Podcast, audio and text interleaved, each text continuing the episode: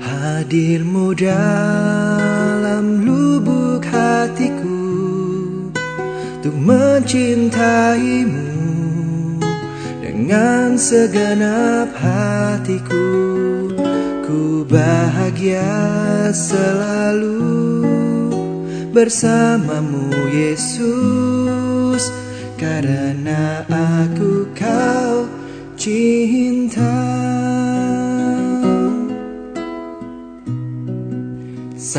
Fresh Juice, sesaat lagi kita akan mendengarkan Fresh Juice Selasa 6 Desember 2022 bersama Johan Eng dari Denpasar, Bali. Selamat mendengarkan.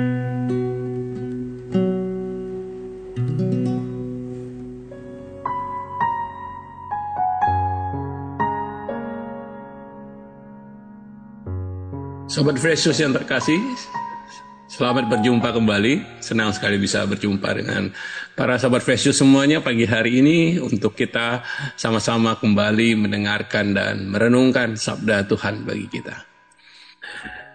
Hari ini kita akan baca dari Matius 18 ayat 12 sampai 14. Mari kita baca dan kita renungkan bersama. Bagaimana pendapat jika seorang mempunyai 100 ekor domba dan seekor di antaranya sesat, tidakkah ia akan meninggalkan yang 99 ekor di pegunungan dan mencari yang sesat itu? Aku berkata kepadamu, sesungguhnya jika ia berhasil menemukannya, lebih besar kegembiraannya atas yang seekor itu daripada yang ke-99 ekor yang tidak sesat. Demikian juga Bapamu yang di sorga tidak menghendaki supaya seorang pun dari anak-anak ini hilang. Demikianlah Injil Tuhan kita. Terpujilah Kristus. Sahabat Fresh yang terkasih, saya saya nggak tahu bagaimana dengan teman-teman, tapi tapi kalau saya membaca uh, perikop ini dan saya rasa sering banget kita mendengar perikop ini ya dan juga mungkin banyak gambar Tuhan Yesus gembala yang mencari seekor domba yang sesat itu adalah gambaran yang biasa kita lihat tentunya kan? Dari mungkin dari sejak kita kecil sekolah minggu gitu ya. Tapi uh, ketika saya mulai bisa kritis saya berpikir uh, kalau membaca perikop ini saya berpikir Uh, mengapa itu keputusan yang aneh kayaknya? Kalau saya meninggalkan 99 ekor demi mencari seekor yang hilang. Nah kan yang 99 ekor nanti malah hilang juga karena nggak ada yang jagain gitu pikiran pikiran saya. Ya ke kedengar uh, menurut saya itu itu satu keputusan yang salah. Nah, kalau kita berpikir secara secara logis gitu ya. Um, berpikir secara rasional meninggalkan yang 99 untuk mencari seekor yang hilang nanti yang 99 malah hilang gitu kan. Nanti malah 99 itu tercerai berai. Ya, saya saya selalu bingung di sana. Tapi ternyata ada beberapa penjelasan teman-teman. Yang pertama adalah karena biasanya kalau seorang gembala ya gembala domba yang punya 100 menggembalakan 100 ekor domba. Dia tidak menggembalakan seorang diri. Jadi ketika kalau ada sampai domba yang hilang dia bisa meninggalkan yang tidak hilang kepada asisten gembalanya gitu ya. Supaya dia bisa mencari seekor yang hilang itu. Nah penjelasan lain adalah uh, seorang gembala itu punya hubungan emosional yang sangat erat dengan domba-dombanya. Makanya di Alkitab kita selalu mendengar Yesus menggunakan perikop gembala ya uh, untuk menunjukkan kasih Tuhan kepada kita. Karena kasih itu soal emosional kan teman-teman ya. Jadi dan dan dan uh, karena gembala punya hubungan emosional yang erat dengan domba-dombanya, dia tidak rela kalau ada seekor yang hilang. Nah, dan dan dia akan mencari yang hilang itu. Ya dan dia tidak bisa bilang ah ya sudah hilang hilang lah yaitu eh, resiko bisnis. Kan nggak bisa ngomong seperti itu. Karena karena dia punya hubungan emosional yang erat dengan setiap domba gembalaannya. Itulah seorang gembala. Dan itulah mengapa Yesus memakai gambaran ilustrasi perumpamaan gembala untuk menggambarkan Allah sering Allah eh, Tuhan kasih Tuhan kepada kita. Karena dalam perikop ini juga kenapa Yesus menggambarkan satu ekor domba yang hilang itu akan dicari sampai ketemu. Karena demikianlah kasih Allah kepada kita. Dia tidak rela satupun dari kita hilang. Dia akan berusaha membawa kita kembali. Dia akan berusaha mendekati kita. Dia akan berusaha memberikan kita rahmatnya. Supaya kita mau kembali kepada Allah. Itulah maksud dari perikop ini teman-teman. Bagaimana Allah mengasihi kita. Karena karena kita uh, Tuhan tidak akan bisa bilang bahwa eh, ini ini ada sekian miliar manusia di bumi ya satu yang yang bandel tidak mau bertobat urusan dia lah gitu ya.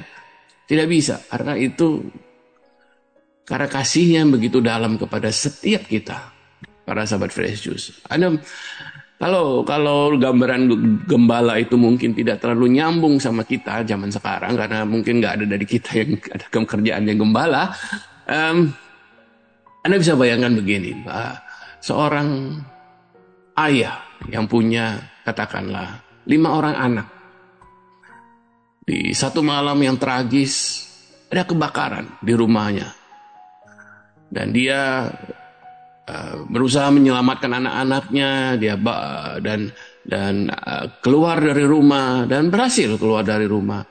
Dan ketika dia hitung anak-anaknya itu anak yang pertama, kedua, ketiga, keempat, dan ternyata anak paling bungsu ketinggalan di dalam rumah. Di rumah yang sedang terjadi kebakaran. Apa yang dia akan lakukan menurut teman-teman? Dia tidak pasti dia tidak akan bilang, ah setidaknya saya berhasil menyelamatkan empat anak. Pasti tanpa berpikir panjang, dia akan lari kembali ke dalam rumah yang kebakaran itu, menyelamatkan si bungsu. Nah, Demikianlah kasih Allah kepada kita. Dia tidak katakan ada sekian miliar orang di muka bumi ini satu yang hilang nggak apa-apalah gitu ya. Tidak mungkin karena kasih Bapa kepada kita. Ada kasih seorang ayah kepada anak-anaknya, kasih seorang gembala kepada domba-dombanya. Tidak, itu itu maksud perikop ini sahabat Fresh Tetapi apa apa aplikasi perikop ini dalam hidup kita?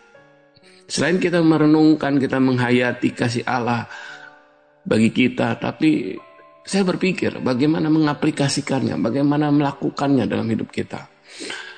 Dan saya berpikir kita harus meniru kasih Allah itu kepada orang-orang yang kita kasihi, supaya kita tidak menyerah mengasihi mereka. Kita mungkin punya anak yang susah diatur. Kita punya anak yang bandel, ya. Yang yang yang uh, selalu melawan orang tuanya gitu ya. Pokoknya yang yang yang susah lah gitu ya. Tapi anda tidak bisa mengatakan ah ya sudahlah ya kan saya punya anak yang lain yang biarlah yang ini bandel-bandel lah gitu ya. Saya rasa tidak ada orang tua yang akan uh, berkata demikian. Dia tetap anak anda dan kita belajar dari kasih Allah kepada kita untuk tidak menyerah. Mengasihi orang yang sulit, anak yang susah. Atau juga iya kita punya teman yang atau sahabat di pekerjaan atau rekan kerja yang yang sulit gitu ya, yang sulit untuk dikasihi. Tuhan tidak menyerah mengasihi kita meskipun kita hilang, kita sesat gitu ya. Tetap dan maka kita juga tidak boleh menyerah mengasihi orang-orang yang sulit, termasuk rekan kerja kita yang susah dikasihi, gitu ya. Kita bisa saja berkata ada banyak teman-teman kerja yang lain ngapain gitu ya dengan orang satu ini. Tapi justru itulah di sana kita membuat perbedaan. sebagai pengikut Kristus, sebagai orang-orang yang sudah merasakan kasih Allah kepada dalam hidup kita, untuk mengasihi orang yang sulit. Atau sebaliknya, mungkin kita malah punya orang tua yang sulit, ya, yang yang mungkin cerewet, mungkin suka ngurusin uh, hal yang bukan urusannya gitu ya, atau mungkin orang tua yang uh, ya yang menjadi orang yang kadang-kadang ketika um, menjadi orang tua gitu ya. Yang kita sebagai anak malah malah malah mungkin susah ya merasa uh, punya hubungan yang sulit dengan beliau. Maka menjadi tugas kita juga. Kalau kita mau mengikuti kita mau menjadi pengikut Yesus dan dan dan melakukan apa yang Allah lakukan pada kita maka kita mencoba mengasihi orang tua kita meskipun sulit dikasih, eh, mengasihi mereka. Ketika inilah tugas kita, para sahabat Yesus, untuk mengasihi orang-orang yang sulit dikasihi. Kalau Yesus tidak menyerah, mencari seekor domba yang hilang, dan eh, mengasihi kita yang sulit dikasihi, maka kita juga bisa belajar untuk mengasihi orang-orang yang sulit dikasihi di sekitar kita. Itu tugas kita, itu yang perlu kita lakukan sebagai murid-murid Yesus. Mari kita berdoa supaya Tuhan berikan kita rahmat untuk melakukannya. Dalam nama Bapa dan Putra dan Roh Kudus. Amin. Tuhan Yesus, Engkaulah gembala yang baik yang meninggalkan 99 domba untuk mencari satu domba yang hilang. Beri kami rahmat untuk juga bisa mengasihi orang-orang di sekitar kami, terutama mereka yang sulit dikasihi, untuk tidak menyerah seperti Engkau tidak menyerah terhadap kami. Untuk mengasihi mereka seperti Engkau mengasihi kami, domba-dombamu. Beri kami tuntunanmu juga, beri kami kemampuan untuk mengasihi seperti Engkau mengasihi. Amin. Dalam nama Bapa dan Putra dan Roh Kudus. Amin. Para sahabat Fresh Tuhan berkati kita semua. Selamat mengasihi orang-orang yang sulit dikasihi di sekitar kita. Semoga Tuhan memberikan rahmatnya kepada kita. Tuhan berkati kita semua. Amin.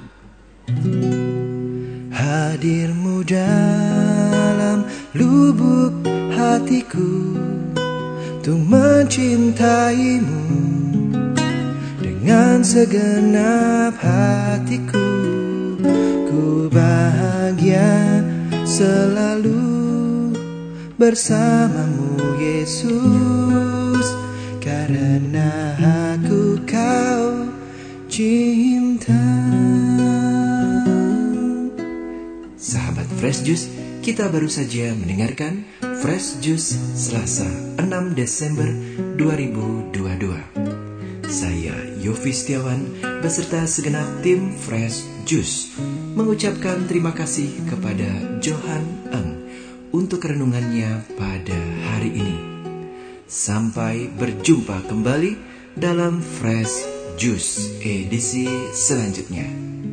Jaga kesehatan dan salam Fresh Juice